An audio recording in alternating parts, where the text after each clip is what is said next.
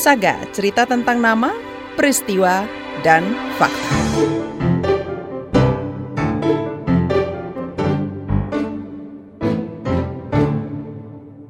Kaki Gunung Gede Pangrango kini makin rimbun. Petani yang semula merambah hutan dan membuka kebun sayur di sana sudah turun gunung. Mereka kini bertani kopi, didistribusikan oleh pabrik lokal Negeri Kopi Sarongge.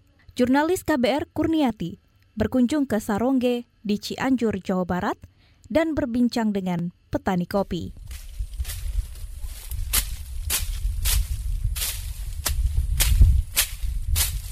Dudu Duroni membersihkan ilalang berbekal cangkul, parang, dan gunting. Sudah tiga setengah tahun terakhir, ia jadi petani kopi.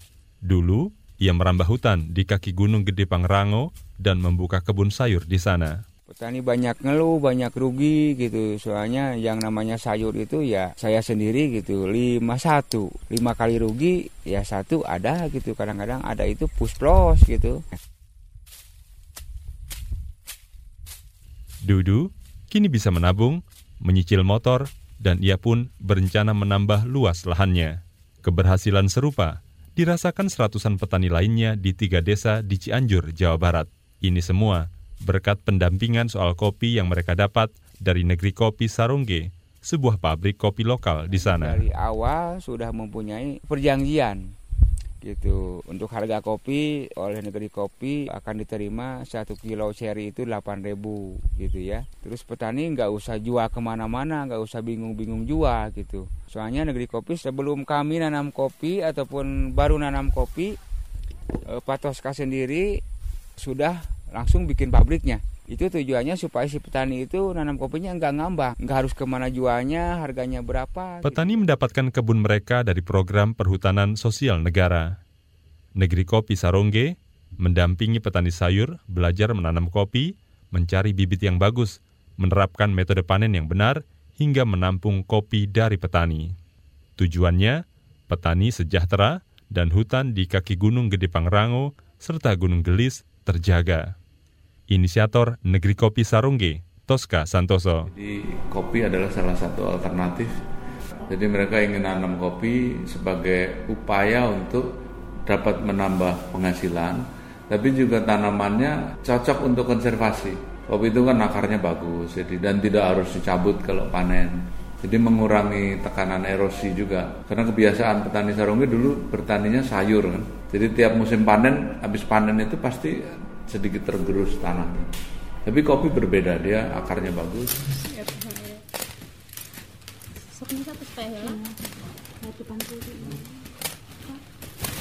Kopi yang dipanen lantas diproduksi di sini, pabrik Negeri Kopi Sarungge. Enam perempuan tampak memilah biji kopi.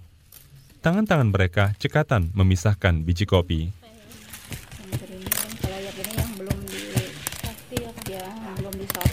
Yang ini udah yang bagusnya. Kalau yang ini yang jeleknya pisahin itu tadi Mira. Dulu ibu rumah tangga biasa.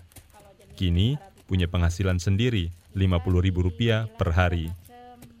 Dari situ Mira ikut menambah penghasilan keluarga dan membantu biaya sekolah anak.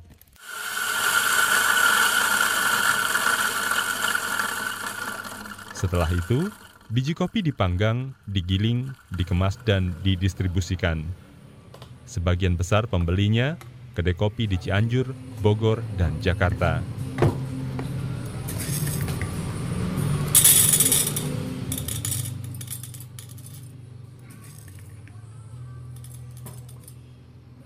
Kedai kopi Basta Coffee Stand di Cianjur ini memakai kopi sarungge. Pemilik kedai, Bambang, tertarik dengan cerita pemberdayaan petani di sana. Menanam kopi itu tidak perlu menebang pohon yang sudah ada. Jadi tidak ada resiko istilahnya erosi lah ya atau apa namanya longsor gitu ya. Beda dengan perkebunan lain itu yang membuat saya ingin terus melakukan kerjasama. Negeri Kopi Sarungge punya jargon. Cita rasa dari hutan yang terjaga. Kualitas kopi Sarungge ini terbukti mendapat skor ketiga terbaik se-Indonesia dari Asosiasi Kopi Specialty Indonesia pada 2019. Saat ini, Negeri Kopi Sarongge memproduksi 6 ton kopi biji mentah dalam setahun. Negeri Kopi mendorong petani untuk mendapatkan akses perhutanan sosial yang lebih luas, sekaligus mencari pendanaan di lembaga resmi, bukan tengkulak. Inisiator Negeri Kopi Sarongge, Tosca Santoso. Kami ingin membangun koperasi petani yang bisa menaungi kepentingan petani untuk produksi yang bagus, harga yang bagus. Tosca berharap semakin banyak petani di dekat hutan punya akses lahan yang pasti. Dengan begitu, struktur pengelolaan tanah di Jawa Barat bisa berubah sembari membenahi produksi kopi. Dan petani kopi seperti Dudu Duroni bisa terus mengembangkan kebun kopinya. Kayaknya udah udah betul-betul merasakan dari kopi itu enak gitu. Walaupun kopinya pahit tapi uangnya manis gitu enak. Demikian Saga KBR. Saya Sindu Darmawan. Terima kasih sudah mendengarkan.